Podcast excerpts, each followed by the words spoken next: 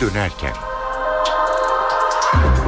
İyi akşamlar ben Öykü Özdoğan eve dönerken haberler başlıyor. Türkiye ve dünyadan günün önemli gelişmeleriyle sizlerle olacağız. Öne çıkan haberlerin özetiyle başlıyoruz.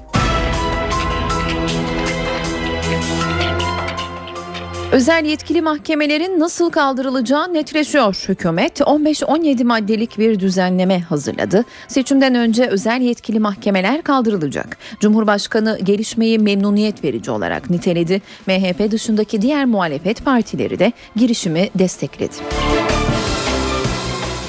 Başbakan faizlerin yükseltilmesine tepki gösterdi. Ekonomideki olası risklere karşı B planımız var dedi. Bu açıklama sermaye girişlerinin kısıtlanabileceği yorumlarını beraberinde getirince Maliye Bakanı Mehmet Şimşek konuştu. Böyle bir şey gündemimizde yok dedi. Avrupa İnsan Hakları Mahkemesi'nin 2013 yılı bilançosu bugün açıklandı. Uzun yıllar dava sayısı bakımından Rusya'nın ardından ikinci sırada yer alan Türkiye'nin insan hakları karnesi iyileşti, 5. sıraya geriledi. Devlet okullarının ardından özel okulların ders kitapları da ücretsiz dağıtılacak. Nejat İşler'den iyi haber geldi. İşler solunum cihazından çıkartıldı. Bir aydır komada olan Alman pilot Michael Schumacher de kademeli olarak uyandırılmaya başlandı.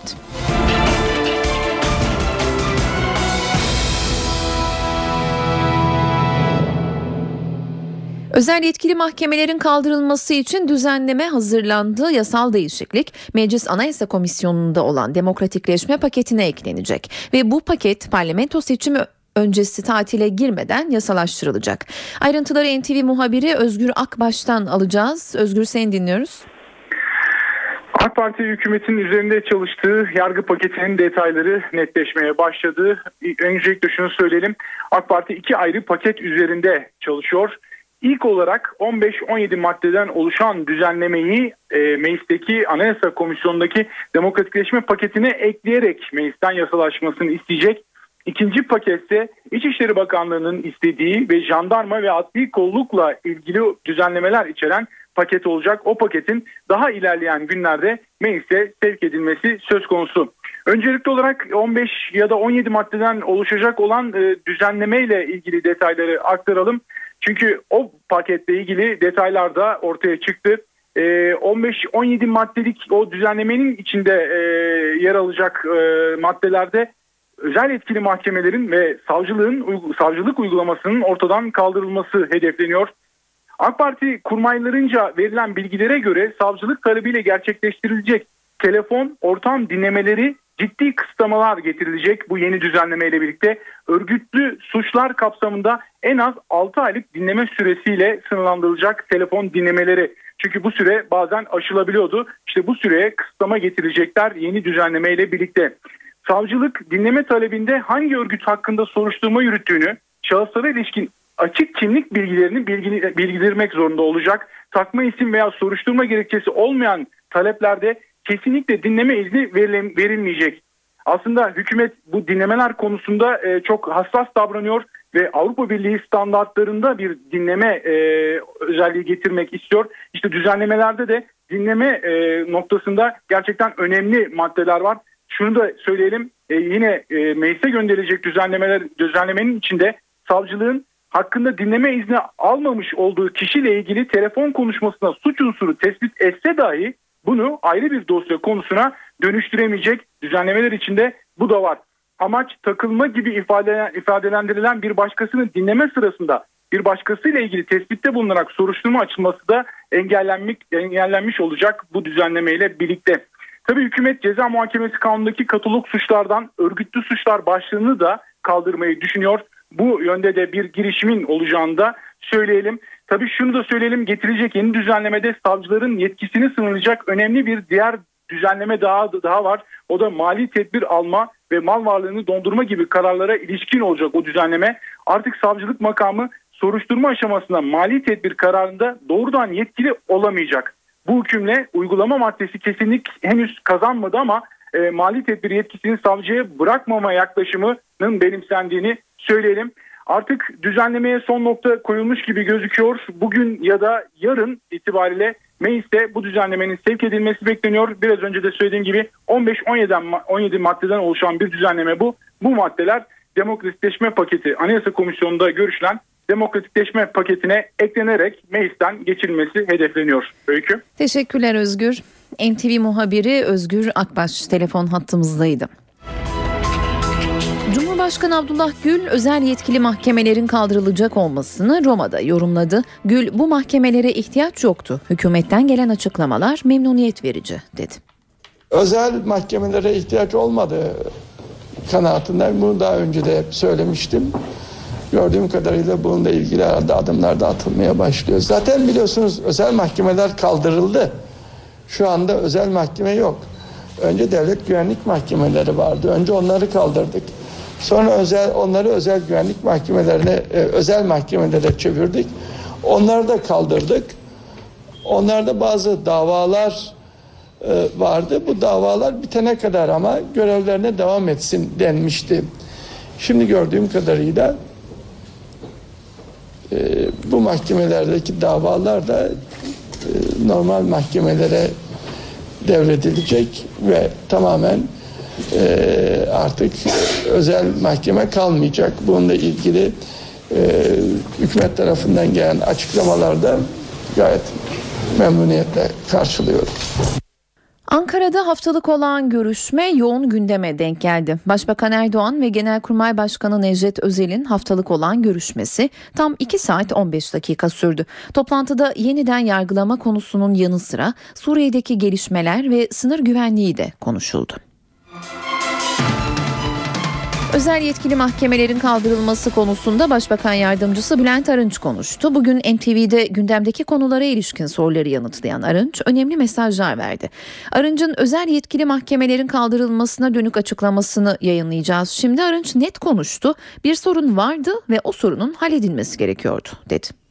Terörle mücadele kanunu üzerinde mutlaka bir şey yapmamız gerektiğine inanıyoruz. Terörle mücadele kanunu sorunlu mu acaba? Bence sorunlu. Türkiye'de terör var, terörle mücadele var, buna ihtiyaç var dediler. Oysa 2005'te yeni ceza kanunu yapılırken terörle mücadeleyi de içerisine alacak kanun içerisine maddeler konuldu. O zaman TEMEKA'ya ihtiyaç kalmadı bizim düşüncemize göre. Fakat bugüne kadar da bu geldi. Çözüm sürecinde bir yılı yeni doldurduk. Ama bir yıl öncesinde karakollar basılıyor, mayınlar patlıyor, sokaklarda canlı bombalar kadınları karınlarındaki çocuklarıyla havaya uçuruyordu. Şehir merkezlerinde Gaziantep'te, Kayseri'de her yerde büyük eylemler vardı. Güvenlik sorunu vardı.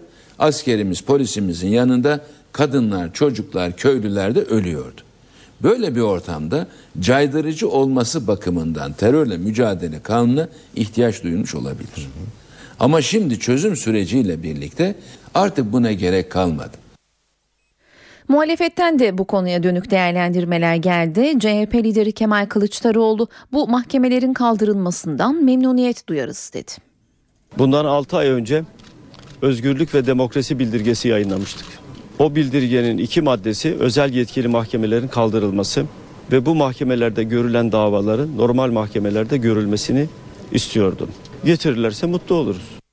MHP ise özel yetkili mahkemelerin kaldırılmasına temkinli yaklaşıyor. Grup Başkan Vekili Oktay Vural, Türkiye'nin önceliği bu değil. İlk yapılması gereken iş yolsuzluk soruşturmasının önünü açmaktır, diyor hangi ihtiyaçtan dolayı özel yetkili mahkemeleri kaldırma konusunu gündeme getirdi. Zaten bir yıl önce 5 Temmuz 2012 tarihinde özel yetkili mahkemelerle ilgili geçici madde koymak suretiyle onları kaldırmamış mıydı? Türkiye'nin sorunu, bugünkü sorunu özel yetkili mahkemeler midir? Yoksa bugün rüşvet ve yolsuzluk soruşturması ekseninde savcılara ve hakimlere yönelik yürütmenin baskısı, tehdidi, şantajı mıdır? Dolayısıyla bugün bakıldığı zaman sorunun bugün yaşadığımız sorunu çözmek yerine daha önce bir yıl önce zaten geçici maddeyle kaldırmış özel yetkili mahkemelerin tamamını kaldırmakla ilgili zaten kalkacak. Dosyaların savcılarından alındığı bir ortam içerisinde, adli kolluğun görevini yapmayarak mahkeme kararlarını uygulamadığı bir ortam içerisinde, savcıları iddianame hazırlayan savcıların görevden alındığı bir ortam içerisinde, bunun bir demokrasiyle bir yargıyı düzenlemesiyle ilgili olduğunu kimse söyleyemez. O bakımdan bugün ortaya atılan bu sis bombası aslında rüşvet ve yolsuzluk soruşturmasını engellemeye yönelik çabaların üstünü örtmek, cambaza bak siyaseti yapmaktır. Özel yetkili mahkemelerin katalog suçlar ekseninde değil ama mahkemelerin ihtisaslaşması gerektiğini düşünüyoruz. Dolayısıyla Türkiye olarak Türkiye'nin karşılaştığı sorunları dikkate alarak meseleye bakmamız lazım. Bu bakımdan özel yetkili mahkemeler zaten mevcut yürüyen davalar bittiği zaman ki bunlar zaten balyoz bitti. Yargıtay tarafından e, onaylandı KCK var. Dolayısıyla özel yetkili mahkemeler e, altında rüşvetçi ve bölücülerin yargı labirenti içerisinden kaçırılma süreci başlatıldığını müşahede ediyoruz. Biliyorsunuz terörle mücadele kanunu Evet, 10. maddesinin de 10. kaldırılması. maddesinin kaldırılması hep beraber birlikte şu soruyu sormamız lazım birlikte. Türkiye'nin bir terör sorunu var mıdır? Vardır. Terör sorunu da mücadele etmek için Türkiye yargısıyla toplumsal bir mücadele gerekmekte midir? Özel yöntemler gerekmekte midir? Evet gerekmektedir. BDP de ana muhalefet gibi özel mahkemelerin kaldırılmasına destek veriyor. Parti Grup Başkan Vekili Pervin Buldan'ın açıklamasını dinliyoruz. Doğrusu Barış ve Demokrasi Partisi olarak yıllardır özel yetkili mahkemelerin nasıl çalıştığını, özel yetkili mahkemelerin şu ana kadar e, vicdanlarda nasıl mahkum edildiğini hep dile getirdik. Bugün de aynı görüşteyiz. E, dolayısıyla özel yetkili mahkemelerin kaldırılması e, geç kalınmış bir karar ve biz bunun daha önce yapılması gerektiğini düşünüyorduk ama bugün açısından baktığımız zaman bir demokratikleşme süreci yaşıyoruz. Biz bir barış ve müzakere süreci yaşıyoruz ve bu barış ve müzakere süreci çerçevesinde ele aldığımız zaman özel yetkili mahkemelerin ve terörle mücadele kanununun e, tamamıyla kaldırılması gerektiğini savunan bir partiyiz. Dolayısıyla bu e, önümüzdeki hafta muhtemelen demokratikleşme paketi genel kurula gelecek ve biz de bu e, yasaya e, daha doğrusu demokratikleşme paketinin içerisinde özel yetkili mahkemelerin kaldırılması konusunda e, BDP olarak e, desteğimizi sunacağız. E, ama sadece özel yetkili mahkemelerin kaldırılması ki daha önce zaten kaldırılmıştı. Terörle mücadele kanununun 10. maddesinde e, görülüyordu. Biz sadece bunun yeterli olduğunu düşünmüyoruz. Terörle mücadele kanununun da tamamen kaldırılması gerektiğini düşünüyoruz. Cumhurbaşkanı Abdullah Gül'ün yetkim olsa hemen kullanırım diyerek tahliyesini istediği İnönü Üniversitesi eski rektörü Fatih Hilmioğlu bugün yeniden sağlık kontrolünden geçirildi. Anayasa Mahkemesi sağlık durumu nedeniyle yapılan tahliye talebi üzerine Ergenekon davası mahkumu Hilmioğlu'nun son durumunu belirten bir rapor alınması için İstanbul Cumhuriyet Başsavcılığına yazı gönderdi. Başsavcılığın yazıyı Silivri cezaevine ulaştırmasıyla Hilmioğlu İstanbul Çapatıp Fakültesine götürüldü. Hastaneden Hilmioğlu'nun cezaevinde kalmasının sağlığı açısından mümkün olmadığına ilişkin bir rapor verilmesi halinde tahliye edilmesinin önü açılacak. Saat 18.19 ben Öykü Özdoğan eve dönerken haberlerle yeniden karşınızdayız. 17 Aralık rüşvet ve yolsuzluk soruşturmasında suç işlemek amacıyla örgüt kurmak suçlamasıyla tutuklanan Rüçhan Bayar tahliye edildi. Bayar avukatlarının tutukluluğuna yaptığı itiraz sonucu serbest kaldı. Soruşturmadaki iddialara göre Rüçhan Bayar Reza Zarrab'ın yanında çalışıyor ve eski İçişleri Bakanı Muammer Güler'in oğlu Barış Güler'le irtibatı sağlıyordu. Soruşturmada toplam 24 kişi tutuklanmış. Bunlardan ikisi geçen hafta tahliye edilmişti. Son tahliye ile birlikte operasyonda tutuklu sayısı 21'e düştü. Bu arada operasyonun ardından emniyette başlayan görevden almalar bugün de sürdü. İzmir'de 274, Gaziantep Emniyetinde de 27 şube müdürü ve bazı birim amirlerinin görev yerleri değiştirildi. Çağlayan Adliyesi'ndeki görev değişikliklerinin ardından bu kez de İstanbul Cumhuriyet Başsavcısı Hadi Salihoğlu çalışma sisteminde değişikliğe gitti. Başsavcının yayınladığı iş bölümü çizelgesine göre ekonomik suçlar, narkotik suçlar ve örgütlü suçlar büroları birleştirildi. Üç büro görev alanlarına giren suçların birbirlerine yakın ve ilgili suçlar olması nedeniyle aynı çatı altında toplandı. Örgütlü suç kapsamında gelen evrak otomatik olarak savcılara verilmeyecek. Belgeyi önce ilgili Cumhuriyet Başsavcısı savcı vekili inceleyecek. Ardından belge büroda görevli savcılara bizzat verilecek. 17 Aralık soruşturmasında eski bakanlar hakkındaki fezlekeler Adalet Bakanlığı'na ulaştı. Ana muhalefet partisi CHP fezlekelerin meclise gönderilmemesine tepkili. Parti sözcüleri bu konuda iktidarı sert sözlerle eleştirdi. CHP kadın kolları da Adalet Bakanlığı önünde eylem yapmaya hazırlanıyor. Öyle bir şey yok. Fezlekeler gelmeyecek. Sayın Adalet Bakanı ile ilgili fezleke dün meclis başkanlığına geliyor. Meclis başkanı bu fezlekeyi iade ediyor. CHP adları 17 Aralık operasyonuna karışan eski bakanlar hakkında hazırlanan fezlekilerin meclise gönderilmemesine tepkili. Bir ay oldu herhalde o fezlekeler Adalet Bakanlığı'nda. Adalet Bakanı olarak, bakanlığı olarak o gelen genelgeleri, e, fezlekeleri sen bir iki gün içinde meclise ulaştırmak zorundasın. Ana muhalefet partisi tepkisini ilginç bir eylemle göstermeye hazırlanıyor. CHP kadın ve gençlik kolları Adalet Bakanlığı önüne çadır kurarak fezlekelerin meclise gönderilmemesini protesto edecek. CHP'nin fezlekeler konusundaki eleştirilerine yanıt Başbakan Yardımcısı Bülent Arınç'tan geldi. Mesele sadece fezleke değil 55 kişiyi bulsunlar o içerisine batırdıkları bakanlar hakkında soruşturma açılmasını isteyebilirler. Bunun siyasi sonucu da olur. İkincisi adli sonucu da olabilir. Bu yola gitmeyerek fezleke niye gelmedi diğer gün bağır bağır ciyak ciyak bağırmalarına gerek yok. NTV Radyo Başbakan Recep Tayyip Erdoğan faiz oranlarının yükseltilmesine karşı olduğunu açıklamıştı. İran'dan dönerken Merkez Bankası'nın kararı için sabredeceğiz, bekleyip göreceğiz. İyiye gidiş olmazsa karara ilişkin iyi niyetimizi koruyamayız demişti.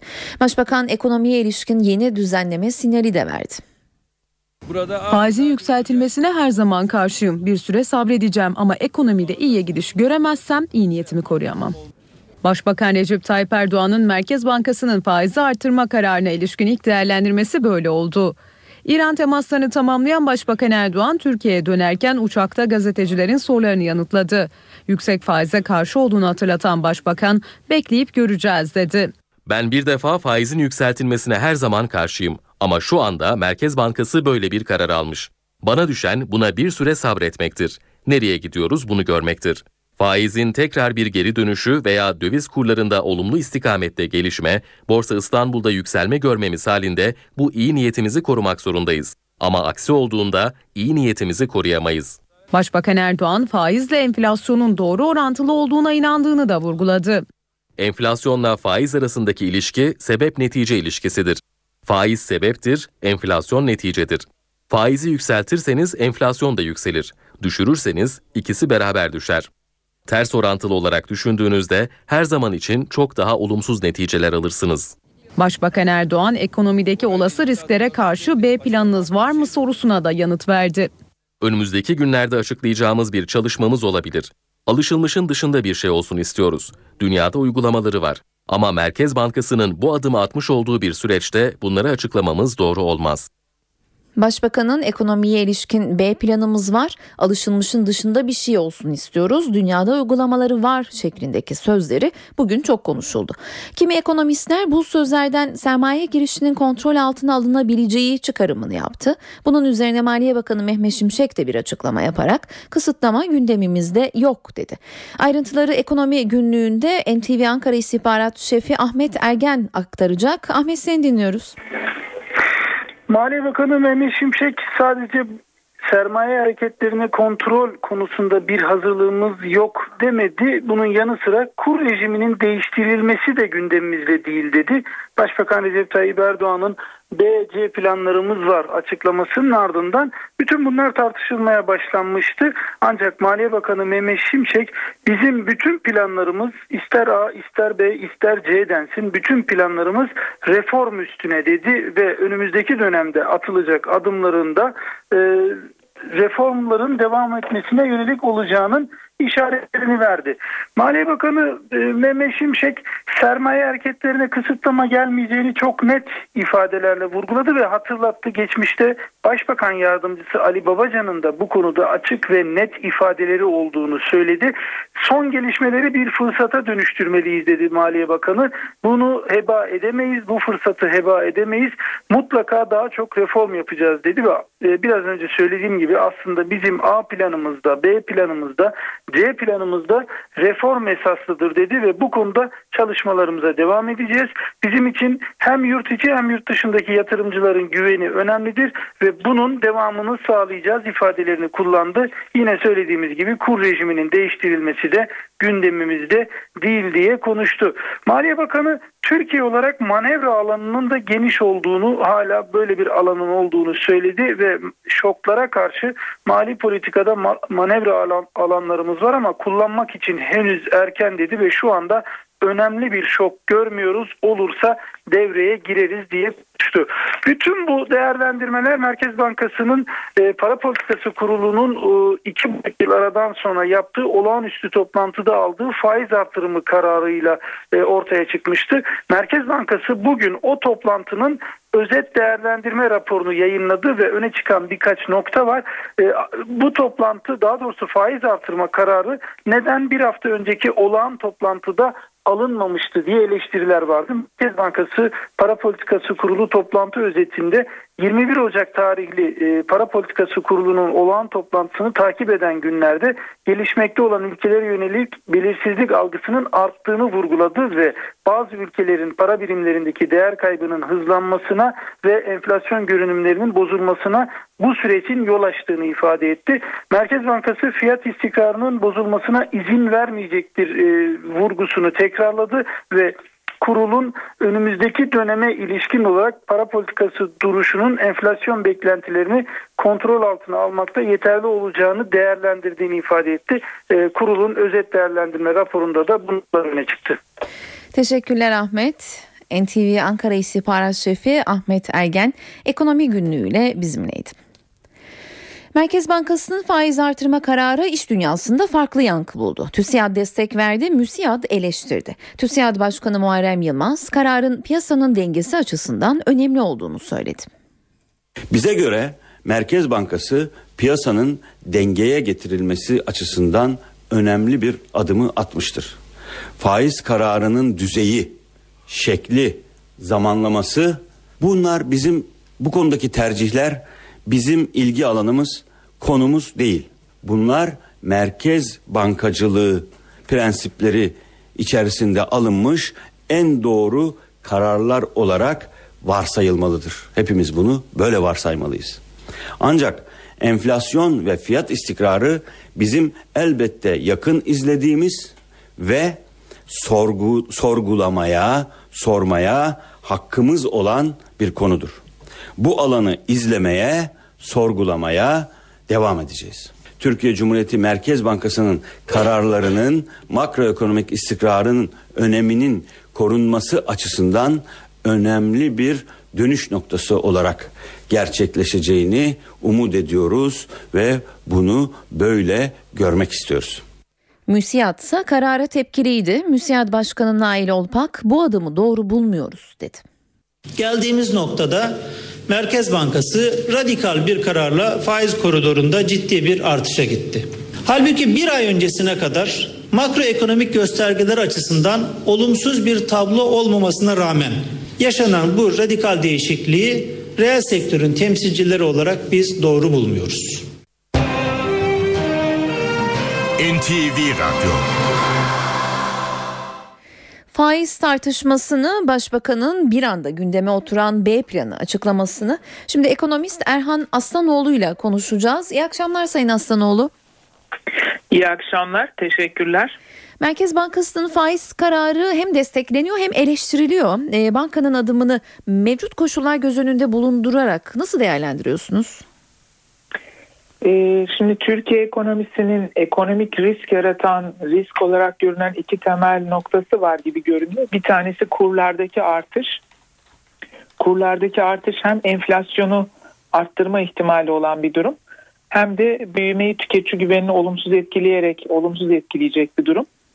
E, dolayısıyla Merkez Bankası'nın faiz arttırımı özellikle kurların e, kurdaki riski azaltmak, enflasyon riskini azaltmak, döviz borçlusu şirketlerin riskini azaltmak açısından olumlu olduğunu düşünüyorum.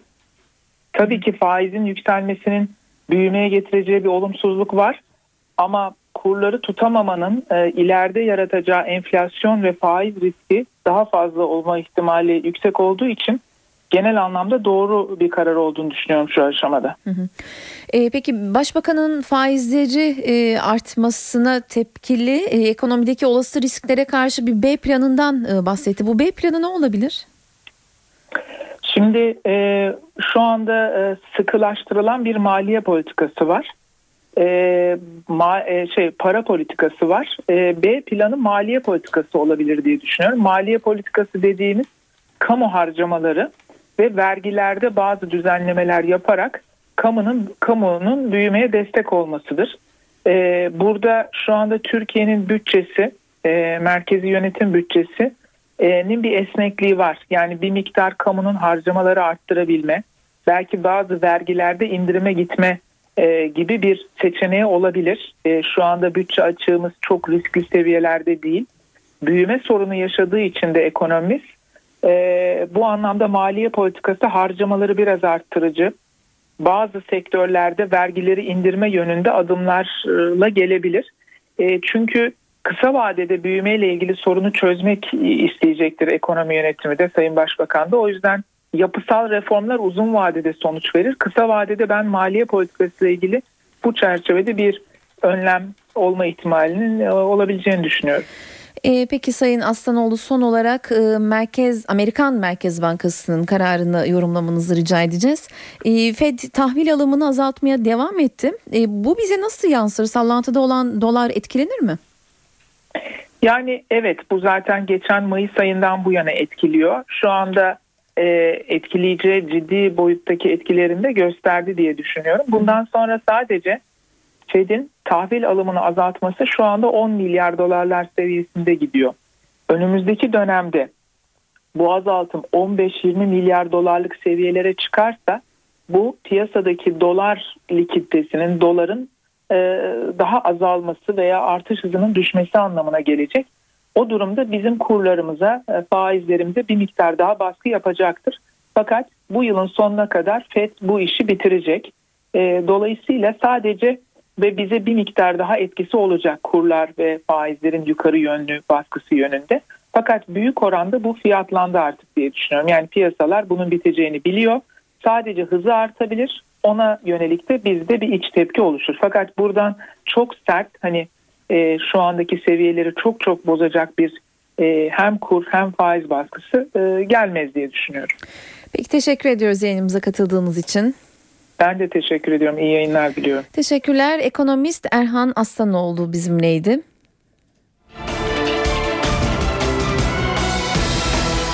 Doğalgaza Şubat'ta zam olmayacak. Enerji Bakanı Taner Yıldız döviz kurunun yükselmesi nedeniyle gittiği her yerde zam olacak mı sorusuyla karşılaşıyor.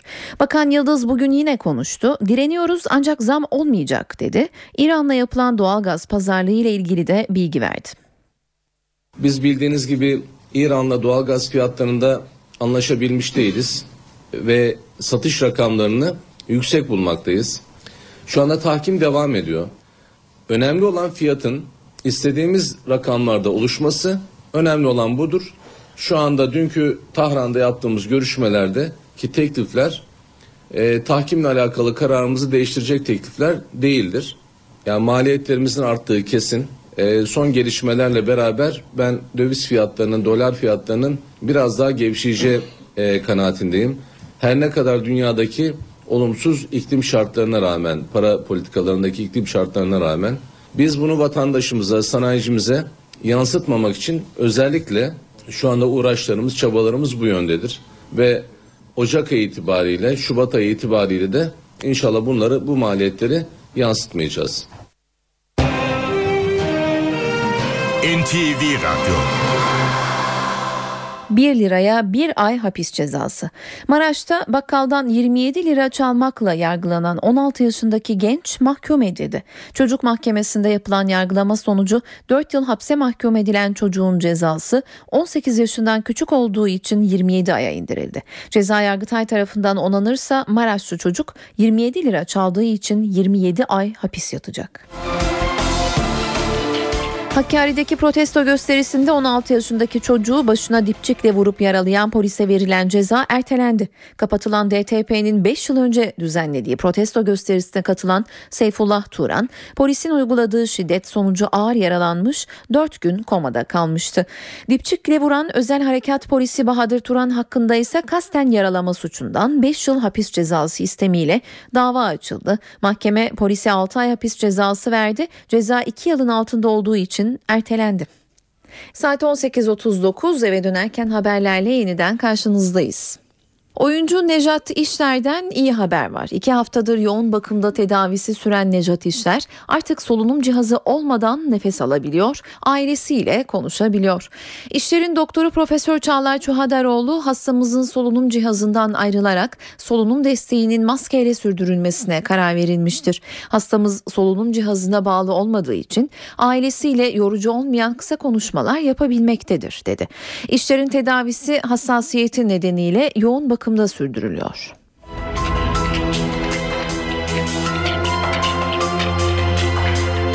Alman F1 pilotu Michael Schumacher'in sağlık durumunda da bir gelişme var. Bir aydır yapay komada tutulan Schumacher'in uyandırma süreci başladı. Açıklamayı Schumacher'in menajeri yaptı. Sabine Kem uyandırma işinin uzun sürebileceğini kaydetti. Fransa ve Almanya medyasına yansıyan haberlere göre de Schumacher Fransa'da hastaneye yattığından bu yana ilk defa gözlerini kırptı. 10 yılda 7 kez Formula 1 şampiyonu olan Schumacher 29 Aralık'ta Fransa Alplerinde kayak yaparken düşüp başını kayaya çarpmıştı. Schumacher o günden bu yana uyutuluyor.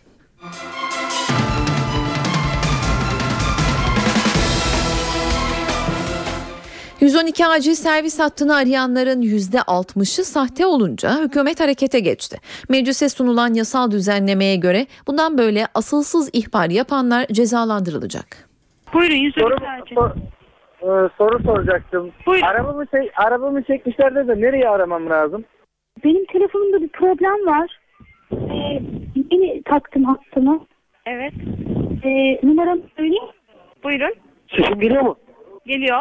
Teşekkürler. Buyurun. Aleykümselam. Ne yapıyorsun yeğenim? Bazısı hal hatır soruyor, bazısı bilinmeyen numaralar servisi gibi kullanıyor. Bazısı ise yalnızca telefonunu test etmek için arıyor. 112 acil servis hattına bunlar gibi her gün binlerce asılsız arama yapılıyor. Türkiye'de 112'ye her gün 300 binden fazla kişi tuşluyor. Gelen çağrıların %60'ı ise gerçek dışı. Bu durum hem çalışanları yoruyor hem de ihtiyacı olanların hizmet almasını yavaşlatıyor. Hükümet bu sorunun çözümü için harekete geçti. 112 acil çağrı merkezini asılsız ihbarla meşgul edenlere 250 lira para cezası getiren kanun teklifini Meclis Başkanlığı'na sundu. Buna göre tüm acil çağrıları karşılamak, sevk ve koordinasyonunu sağlamak üzere her ilde 112 acil çağrı merkezleri kurulacak. Bu çağrı merkezlerine asılsız ihbarda bulunduğu tespit edilen kişilere il valileri tarafından 250 lira idari para cezası verilecek. Aramanın tekrarı halinde ise bu ceza iki katına çıkacak. Antalya'da sebze meyve nakliyecilerinin 4 gün süren kontak kapatma eylemi sona erdi. İstanbul'a meyve sebze nakli yeniden başladı. 4 gün olarak planlanan eylemin son gününde ağır vasıtaların Fatih Köprüsü'ndeki bekleme süresine ilişkin bir gelişme oldu. NTV muhabiri Sibel Atasoy ayrıntıları anlatacak. Sibel seni dinliyoruz. İstanbul Büyükşehir Belediyesi'nden olumlu haber, olumlu telefon dün akşam saatlerinde geldi. Yetkililer e, nakliyecilerle masaya oturacaklarını söylediler. Önümüzdeki hafta masaya oturacaklarını söylediler ve eylemi bitirmesini istediler. Eylem de bu sabah itibariyle bitti ve yaklaşık 1500 kamyon bu, bu sabah itibariyle yola çıktı. İstanbul'a doğru sevkiyat başladı. Tabii masada neler var ondan bahsetmek gerekirse e, masadaki maddelerden bir tanesi e, yasaklı saatlerin 17 ile 20'ye çekilmesi. Bu nakliyeciler tarafından olumlu karşılıyor, karşılanıyor ancak sebze meyve taşıyan e, kamyonların geçiş hakkının serbest olması da isteniyor. Bu da konuşulacak önümüzdeki hafta toplanıldığında. İstanbul Büyükşehir Belediye Başkanı Kadir Toptaş'ın da toplantıya katılması bekleniyor. Yine Başbakan Recep Tayyip Erdoğan'ın da bu işi çözün talimatı verdiğini öğrendik. E, konuyu nakliyeciler Alanya Kamyoncular Kooperatifi Başkanı Ahmet Uyar anlattı. E, yetkililerle görüşmelerini ve eylemi bitirmeleri halinde e, önemli adımlar atılacağını bu konuda belirtildiğini e, söylediler. Yine Büyükşehir Belediyesi yetkililerinin ve tabii onlar da e, nakliyeciler de İstanbul trafiğini göz önünde tutuyoruz söylüyorlar. Onlar da e, tamamen geçiş hakkı belki olmaz diyorlar ama 16 ile en azından 17 ile 20 saatlerine çekilmesi konusunda hem fikire varılacağı görüşündeler. Bu arada 4 gün tabii burada Antalya'da üreticiler zarar gördü. Onu belirtelim. İstanbul'da da bazı fırsatçılar fiyatların artmasına neden oldu sebze meyve fiyatlarının. E, eylemin bitmesi hem e, üreticiler açısından hem de tüketiciler açısından olumlu karşılandı. Teşekkürler Sibel. NTV muhabiri Sibel Atasoy telefon attığımızdaydı. Devlet okullarından sonra özel okullarda okuyan çocuklara da ücretsiz ders kitabı dağıtılacak. Milli Eğitim Bakanı Nabi Avcı gelecek eğitim döneminde özel okulların kitaplarını da devletin dağıtacağını açıkladı. Özel okulda okuyan öğrencilerimizin ders kitaplarının temininde veliler veya okullar tarafından ücret ödenmesine rağmen her yıl sorunlar yaşanmakta olduğunu biliyoruz. Önümüzdeki eğitim öğretim yılından itibaren özel okullarda okuyan öğrencilerin de ders kitapları devlet tarafından ücretsiz olarak verilecektir. Yüksek Öğretim Kurulu disiplin yönetmeliğini değiştirdi. Artık intihal yani akademik hırsızlık yapan yalnızca bulunduğu üniversitedeki görevinden değil, kamu görevinden de men edilecek. İntihal yapan yani bir başkasının bilimsel eserinin veya çalışmasının tümünü veya bir kısmını kaynak belirtmeden kendi eseri gibi gösteren öğretim üyesi kamu görevinden men edilecek. Bir daha ne devlet ne de vakıf üniversitesinde çalışabilecek. Yüksek Öğretim Kurulu, Yüksek Öğretim Kurumları yönetici, öğretim elemanı ve memurları disiplin yönetmeliğinde değişikliğe gitti. Yeni yönetmelikle intihal suçu kamu görevinden çıkarma cezası kapsamına alındı. Daha önce intihal yapan öğretim üyeleri görevlerinden alınıyor ancak kamu görevinden men edilmiyordu.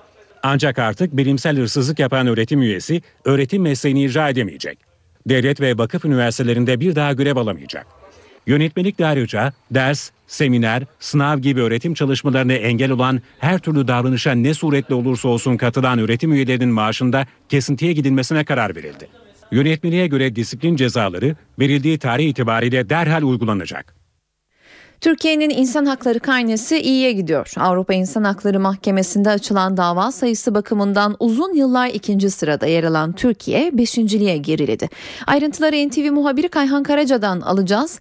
Kayhan bu iyileşmede hangi faktörler etkili oldu? Sanıyorum hatta bir problem oldu. Kayhan Karaca'ya tekrar bağlanacağız. Eve dönerken haberlere kaldığımız yerden devam ediyoruz. NTV Radyo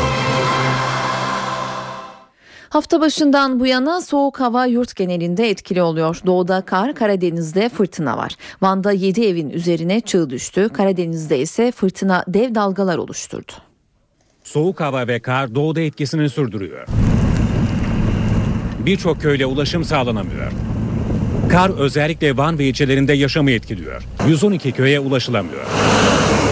Çatak ilçesinde 7 evin üzerine çığ düştü. Dere yatağında bulunan evlerde olay sırasında kimsenin olmaması olası bir faciayı önledi. Kars, Ardahan, Hakkari ve Muş'ta 500'e yakın köyle ulaşım kesildi. Karadeniz'de ise şiddetli rüzgarla oluşan dev dalgalar ro gemilerinin denize açılmasını engelledi.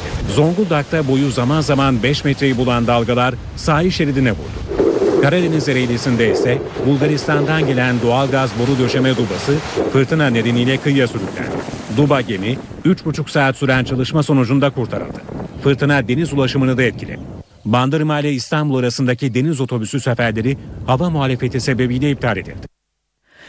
Yağmur, fırtına, kar dedik. Sıra geldi bu gece ve yarın için hava tahminlerini almaya. NTV Meteoroloji Editörü Gökhan Abur'u dinliyoruz. İyi akşamlar. Merkezi Rusya üzerinde bulunan yüksek basınç kuzey bölgelerimizde Poyraz'ı kuvvetlendirirken sıcaklıkları da düşürüyor. Yarın Marmara'da sıcaklıklar birkaç derece yükselse de yine de ortalamaların altında olacak. Hafta sonu batıda sıcaklık yeniden yükseliyor ama salı günü Trakya'dan başlayarak yeniden ve hızla azalacak. Yarın Doğu Karadeniz ve Doğu Anadolu'nun doğusunda yağış var. Yağışlar kıyıda yağmur, yükseklerde karla karışık yağmur, Artvin, Ardahan ve Kars'ta ise kar şeklinde olacak. Cumartesi günü doğudaki yağışlar hafiflerken batı bölgeler gece saatlerinde Güney Ege'den başlayarak yeniden yağışlı havanın etkisine girecek. Yağışlar pazar günü Güney Ege ve Batı Akdeniz'e daha kuvvetli olmak üzere Marmara'nın güney ve batısı, Akdeniz'in tamamı ve İç Anadolu etkisi altına alacak. Önümüzdeki hafta havanın soğumasıyla Trakya, İç Anadolu ve doğudaki yağışların karla karışık yağmur ve kara dönmesini bekliyoruz. İstanbul'da yarın hava soğuyor. Yağış yok ve sıcaklık 4 derece civarında olacak. Ankara'da yarın hava parçalı sıcaklık 5 derecenin biraz üzerine çıkacak. İzmir'de ise önümüzdeki 3 gün yağış yok ve sıcaklık 14-15 derecelerde olacak. Pazar günü ise bölgede yağış bekliyoruz. Hepinize iyi akşamlar diliyorum. Hoşçakalın. Az önce NTV muhabiri Kayhan Karaca ile bir bağlantı sorunu yaşamıştık. Şimdi Kayhan telefon attığımızda. Beni duyabiliyor musun Kayhan? Evet. E, Türkiye'nin insan hakları karnesindeki bu iyileşmede e, hangi faktörler etkili oldu? Evet bu son 10 yıldır özellikle Avrupa İnsan Hakları Mahkemesi'nde Türkiye Rusya'nın ardından hakkında en fazla e, dava başvurusu olan ülke olarak e, ön plana çıkmaktaydı. Bu yıl ilk defa e, Rusya'nın arkasında değil ama 5. sırada e, yer alıyor Türkiye. Avrupa İnsan Hakları Mahkemesi 2003 2013 yılına ilişkin e, bilançosunu biraz önce Strasbourg'da açıkladı. E, verilere göre 2012 yılını Türkiye 16.900 dava başvurusuyla ikinci sırada kapatmıştı. Ama 2003 2013 yılı sonunda Türkiye hakkındaki dava başvurusu sayısı mahkeme önünde 10.950. Ee, Türkiye'nin önünde Rusya'nın arkasında hemen e, İtalya ikinci sırada geliyor. Ukrayna ardından üçüncü sırada. Sırbistan dördüncü sırada. Türkiye'de beşinci sırada. Ee, Avrupa İnsan Hakları Mahkemesi Türkiye'den gelen e, başvurulardaki bu azalmayı büyük ölçüde Anayasa Mahkemesi'ne e, bireysel başvuru hakkının tanınması ve e, yargılama e, süreçlerinin uzunluğu ile ilgili iç yasal düzenlemelere bağlıyor. E, Anayasa Mahkemesi'ne bireysel başvuruyu e, Avrupa İnsan Hakları Mahkemesi 30 Nisan 2003 2013 tarihinde e, açıkladığı bir kararla iç hukuk yolu e, olarak kabul etmişti. E, ve o tarihten bu yana yani 30 Nisan 2013 tarihinden bu yana Avrupa İnsan Hakları Mahkemesi'ne Türkiye'den bireysel başvuru kabul edilmiyor. Dolayısıyla o tarihten bu yana başvuru gelmiş değil. En e, önemli açıklaması e, bu azalmanın burada yatıyor. Ardından e, yine Avrupa İnsan Hakları Mahkemesi e, kararları temelinde Türkiye'de e, uzun yargı e, ya da yargı süreçlerinin uzunluğu ile ilgili yasal düzenle, düzenlemeler yapıldı ve e, tazminat komisyonu oluşturuldu. Ve e, Avrupa İnsan Hakları Mahkemesi'ne bu konuda şikayette bulunan 3500 kişinin davaları mahkeme tarafından bu tazmin komisyonuna geçtiğimiz yıl içinde e, havale edildi, geri gönderildi. Daha doğrusu mahkeme önce bu tazmin komisyonu önünde hakkınızı arayın. Eğer tatmin olmazsanız sonradan e, yine e, Avrupa İnsan Hakları Mahkemesi gündemine konuları getirebilirsiniz şeklinde karar almıştı. Dolayısıyla Anayasa Mahkemesi'ne bireysel başvuru artı bu tazmin, tazminat komisyonu bir yıl içinde Türkiye hakkında 5000 e, tan 5000'den fazla dava e, başvurusunun düşmesine e, neden oldu. Avrupa İnsan Hakları Mahkemesi yetkilileri bu durumu aslında bir örnek izlenecek bir örnek olarak bugün tanımladılar. Ee, ancak halen Avrupa İnsan Hakları Mahkemesi gündeminde Türkiye'ye karşı yapılmış tabi başvurular var. Bu başvuruların çoğunluğunu da kamulaştırma davaları, uzun yargı süreci, tutukluluk, adil yargılanma, yasal olmayan tutukluluk ve uzun tutukluluk süreleriyle ilgili şikayetler oluşturuyor. E, Türkiye'nin e, geçtiğimiz yıllarda Avrupa genelindeki siciline olağanüstü olumsuz yansıyan e, yaşam hakkı ve işkence ve kötü muamelenin önlenmesiyle ilgili şikayetler de bugün e, gündemdeki toplam başvuru oranının sadece e, yüzde dördüne e, gerilemiş durumda. Bu da e, mahkeme tarafından olumlu bir gelişme olarak e, e, gösterilmekte. Son bir notta e, e, Türkiye hakkında Avrupa İnsan Hakları Mahkemesi bugün açıkladığı verilere göre 2013 yılında e, toplam e, 124 karar açıkladı. Bu kar, açıklanan karar bakımından da Rusya'nın arkasında ikinci geliyor Türkiye. Ee, Türkiye hakkında açıklanan kararların 118'inde bu 124 kararın 118'inde Avrupa İnsan Hakları Mahkemesi'nin e, sözleşmesinin en az bir maddesinde ihlal e, olduğuna hükmedilmiş. Bunu da mahkeme bugün açıkladı. Türkiye hakkında en fazla ihlal kararı Avrupa İnsan Hakları Sözleşmesi'nin emniyet ve özgürlük hakkı ve e, yargı sürelerinin uzunluğuyla ilgili maddeler e, temelinde verildi. E, bir de son bir not daha Türkiye 9 kararla ifade özgürlüğü konusunda da geçen yıl hakkında en fazla ihlal kararı çıkan Avrupa ülkesi olma özelliğine sahip. Teşekkürler Kayhan. Saat 19 ben Öykü Özdoğan. Eve dönerken haberlere günün öne çıkan gelişmelerinden başlıklarla devam ediyoruz. Özel yetkili mahkemelerin nasıl kaldırılacağı netleşiyor. Hükümet 15-17 maddelik bir düzenleme hazırladı. Seçimden önce özel yetkili mahkemeler kaldırılacak. Cumhurbaşkanı gelişmeyi memnuniyet verici olarak niteledi. MHP dışındaki diğer muhalefet partileri de girişimi destekledi. Başbakan faizlerin yükseltilmesine tepki gösterdi. Ekonomideki olası risklere karşı B planımız var dedi. Bu açıklama sermaye girişlerinin kısıtlanabileceği yorumlarını beraberinde getirince Maliye Bakanı Mehmet Şimşek konuştu. Böyle bir şey gündemimizde yok dedi. Avrupa İnsan Hakları Mahkemesi'nin 2013 yılı bilançosu bugün açıklandı. Uzun yıllar dava sayısı bakımından Rusya'nın ardından ikinci sırada yer alan Türkiye'nin insan hakları kaynısı iyileşti, 5. sıraya geriledi. Devlet okullarının ardından özel okulların ders kitapları da ücretsiz dağıtılacak.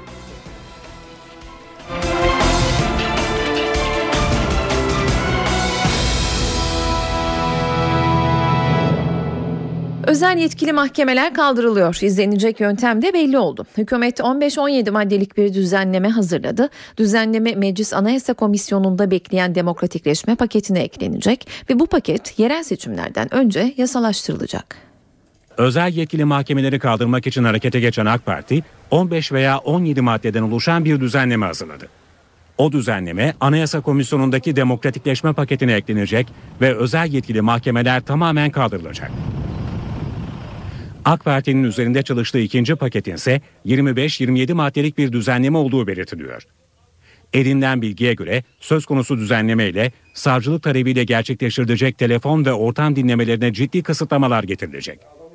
Örgütlü suçlar kapsamında var olan en az 6 aylık dinleme süresi sınırlandırılacak. Savcı dinleme talebinde hangi örgüt hakkında soruşturma yürüttüğünü ve şahıslara ilişkin açık kimlik bilgilerini bildirmek zorunda olacak. Takma isim veya soruşturma gerekçesi olmayan taleplerde kesinlikle dinleme izni verilemeyecek. Savcılık hakkında dinleme izni almamış olduğu kişiyle ilgili telefon konuşmasında suç unsuru tespit etse dahi bunu ayrı bir soruşturma konusuna dönüştüremeyecek. Düzenleme ile ayrıca savcıların mali tedbir alma ve mal varlığını dondurma gibi kararlar almasının sınırlandırılması da gündemde. AK Parti'nin üzerinde çalıştığı düzenleme ile soruşturma dosyasının kamuoyuna sızmasının önüne geçilmesi de amaçlanıyor. Bunun için soruşturma dosyalarına MIT'te uygulandığı gibi filigram zorunluluğu getirilecek. Çözüm sürecinin tarafları bir araya geldi. BDP Grup Başkan Vekili Pervin Buldan ve İdris Baluken'le HDP eş başkan yardımcısı Sırrı Süreyya Önder, Adalet Bakanı Bekir Bozdağ'la görüştü. Görüşmenin ana gündem maddesi çözüm süreciydi. Ancak başka başlıklar da ele alındı. Ayrıntıları parlamento günlüğünde NTV muhabiri Miray Aktağ Uluç anlatacak. Miray seni dinliyoruz. Demokrasi Partisi'nden bir heyet bugün Adalet Bakanı Bekir Bozdağ ile bir görüşme yaptı. Heyette kimler vardı hemen aktaralım. BDP Grup Başkan Vekilleri Pervin Buldan ve İdris Baluken. Halkların Demokrasi Partisi'nin eş başkan yardımcısı Sırrı Süreyya Önder. Bu üç kişilik ekip bir buçuk saat süren bir görüşme yaptılar. Adalet Bakanı Bekir Bozdağ ile görüşmenin gündeminde çok sayıda başlık vardı. Başta çözüm süreci ele alındı ama bunun yanı sıra özel yetkili mahkemelerin kaldırılması, demokrasi paketi önümüzdeki günlerde Meclis Genel Kurulu'na gelecek. Bu düzenleme ele alındı. Aynı zamanda cezaevlerinde yaşanan sorunlar ve hasta tutuklular konusunda da görüş alışverişinde bulundu. Bu görüşmede gündeme gelen bir konu daha vardı. Önümüzdeki hafta içerisinde Barış ve Demokrasi Partisi'nden bir heyetin e, adaya gitmesi, İmralı'ya gitmesi. Bu heyette kimlerin yer alması bekleniyor? Onu da e, belirtelim. Öncelikle son giden heyette yer alan isimler Diyarbakır Bağımsız Milletvekili Leyla Zana ile HDP Genel Başkan Yardımcısı Sırrı Süreyya Önder'di. Son heyette bu iki isim yer almıştı. Sırrı Süreyya Önder bugünkü görüşmede de yine hazır bulunuyordu. Bu iki ismin önümüzdeki hafta sonunda 8 veya 9 Şubat tarihlerinde adaya İmralı'ya gitmesi bekleniyor. Bu konuda görüşmede ele alınan başlıklar arasındaydı. E, bunun artık aslında kesinleşmiş gibi olan bir e, konu olduğunu da söyleyebiliriz. Bu tarihlerde İmralı'ya BDP'den bir heyetin gitmesi bekleniyor. Son not olarak bu konuya ilişkin şunu da aktaralım. Barış ve Demokrasi Partisi grubunu dün de Başbakan Yardımcısı Bülent Arınç ziyaret etmişti. Bugün parlamentodan dikkat çeken düzenleme e, e, haberlerden biri buydu ama bunun yanı sıra meclisin çalışmaları ile ilgili akşam saatlerinde elimize ulaşan bir bilgi de vardı. Türkiye Büyük Millet Meclisi yerel seçimler nedeniyle Şubat ayı sonunda çalışmalarına ara verecek.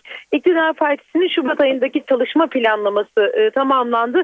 O planlamada HSYK düzenlemesiyle ilgili herhangi bir e, düzenleme ile ilgili herhangi bir görüşmenin olacağına ilişkin bir işaret yok. Mart ayı boyunca yerel seçimler nedeniyle genel kurul çalışması yapılmayacak mecliste ve HSYK düzenlemesini şimdilik gündeme alınmadığı belirtiliyor. Özel yetkili mahkemelerin kaldırılması öngören demokratikleşme paketi görüşmelerinin ay sonunda ele alınmasını bekliyoruz. Meclis Genel Kurulu'nda Genel Kurulda halen görüşmelerine devam eden internete erişimi kısıtlayan düzenlemenin yer aldığı torba kanunu teklifinin ardından da askerlik tasarısı gelecek hafta Meclis Genel Kurulu gündemine gelecek gibi görünüyor. E, bu arada meclisin Yarın e, ve hafta sonunda da çalışması planlanıyordu ancak bu karardan vazgeçildi.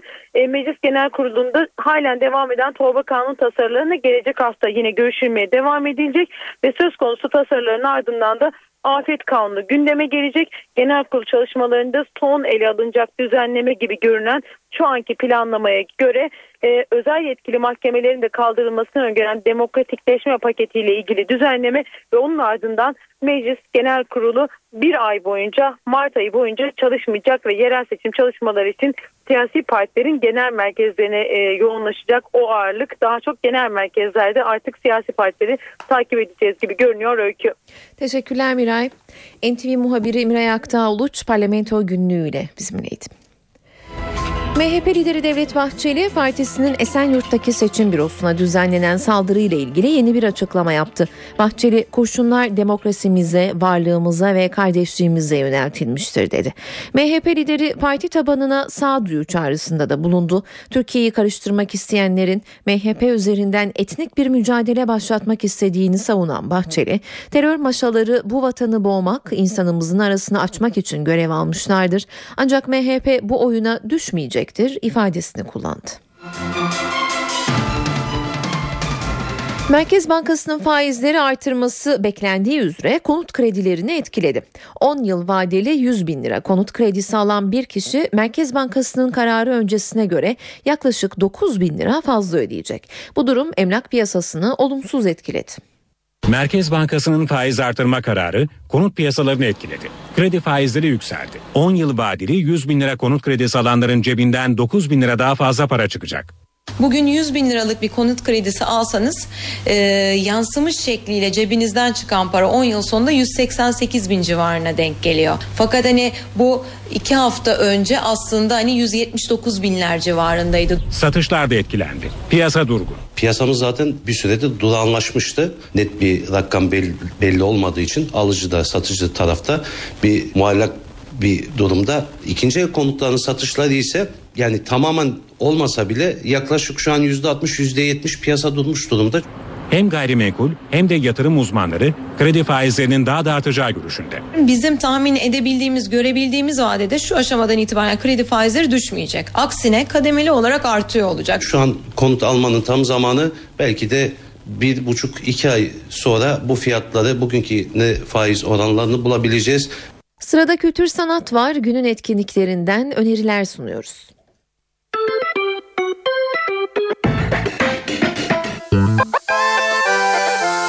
Living Room İstanbul'da Kafkasya enstrümanı olan Garmon'u ustalıkla çalan Cengiz Berkün sahne alıyor bu akşam. Berkün performansına saat 22'de başlıyor. Bronx P sahne İstanbul sahnesinde ise Golden Horn olacak. Performans başlama saati 22. Türkçe sözlü rock müziğin öncüsü Bulutsuzluk Özlemi Beyoğlu Hayal Kahvesi'nde sevenleriyle buluşuyor. Performans başlama saati 22.30. Cemal Reşit Rey Türk Müziği Topluluğundan Canım İstanbul konseri bu akşam saat 20'de Cemal Reşit Rey konser salonunda olacak.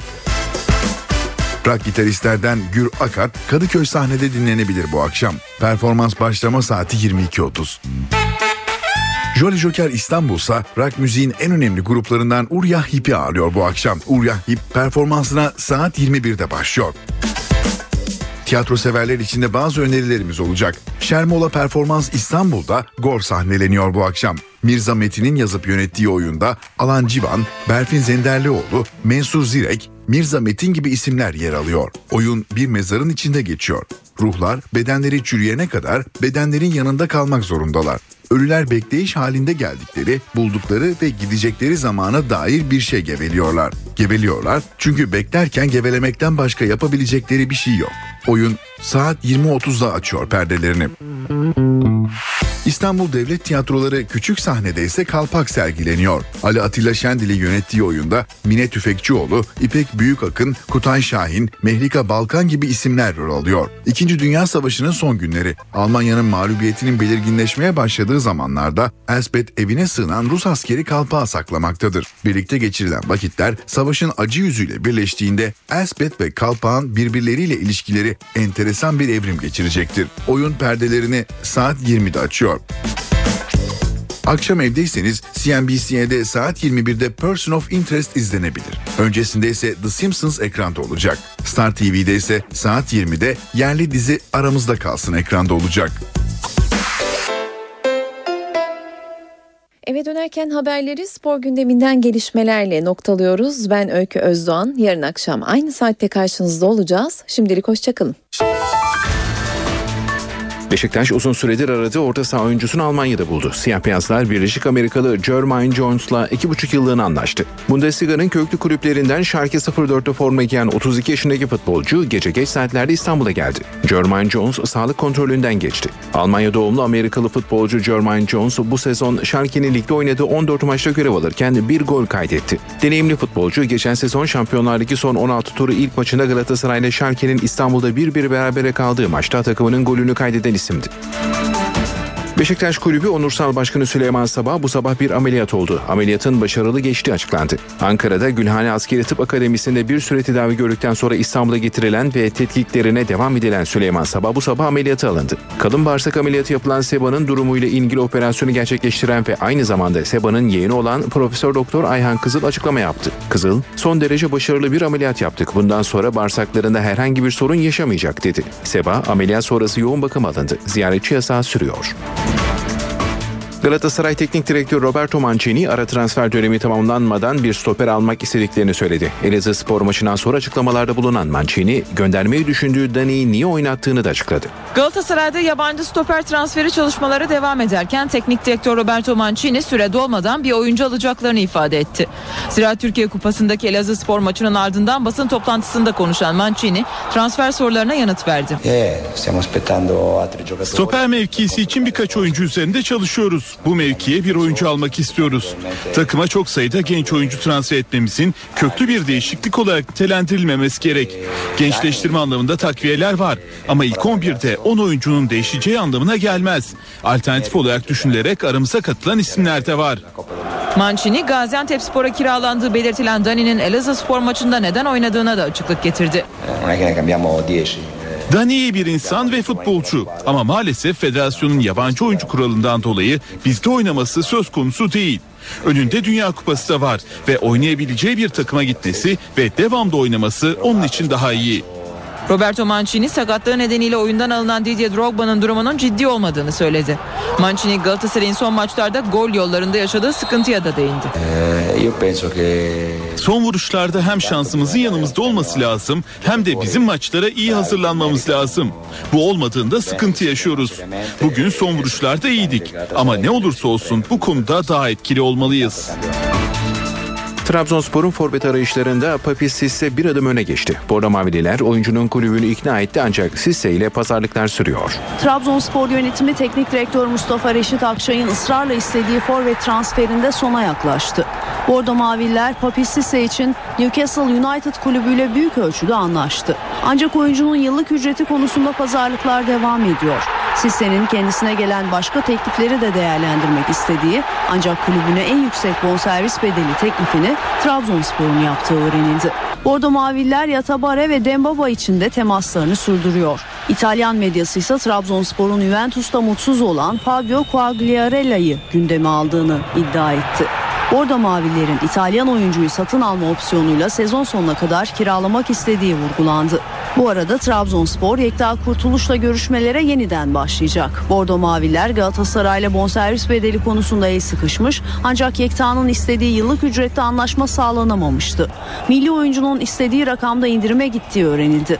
Tarafların kısa süre içinde bir araya gelmesi bekleniyor. Lider Fenerbahçe'nin en formda oyuncularından Caner Erkin kariyeriyle ilgili sezon sonunda karar vereceğini söyledi. Mayıs ayında sözleşmesi sona eren başarılı oyuncu Avrupa'da olabilir Fenerbahçe'de diye konuştu. Fenerbahçe'nin bu sezon dikkat çeken isimlerinden Caner Erkin sezon sonu atacağım imza hayat imzam olacak dedi. Milliyet gazetesinde Senat Oka özel röportaj veren Sarı Lacivertlilerin başarılı oyuncusu önceliğinin kontrat değil şampiyonluk olduğunu söyledi. Caner şu an için sadece şampiyonluğa konsantre oldum. Şampiyon olalım ondan sonra sağlam kafayla düşünüp geleceğimle ilgili karar vereceğim. Avrupa'da olabilir Fenerbahçe'de diye konuştu.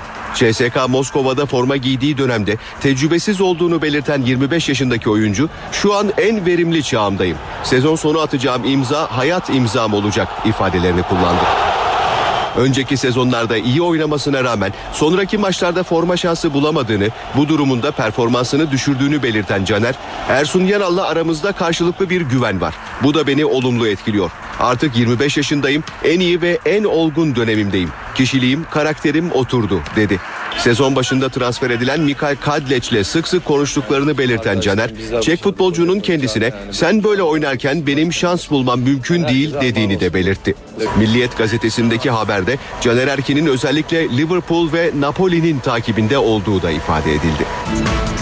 Ara transfer döneminin sakin geçtiği lider Fenerbahçe'de bir oyuncuyla yollar ayrılıyor. Sıra Lacivertliler Josef Yobo'yu Norwich City'ye kiralıyor. Fenerbahçe kulübü sezon başından bu yana forma şansı bulamayan Yobo için gelen teklifleri değerlendirmeye aldı. Sıra Lacivertliler Nişaryalı stoperin İngiltere Premier Lig takımlarından Norwich City'ye kiralanması için görüşmelere başlandığını borsaya bildirdi. Yobo'nun Brezilya'da düzenlenecek Dünya Kupası'nda milli takım formasını giymek istediği bu yüzden düzenli oynayabileceği Norwich'e gitmekte istekli olduğu ifade edildi. Fenerbahçe'nin 2010-2011 sezonunda Everton'dan kiraladığı Yobo, sarı lacivertli formayı iki sezon kiralık giymiş, ardından uzun görüşmeler sonrası deneyimli oyuncunun bonservisi alınmıştı.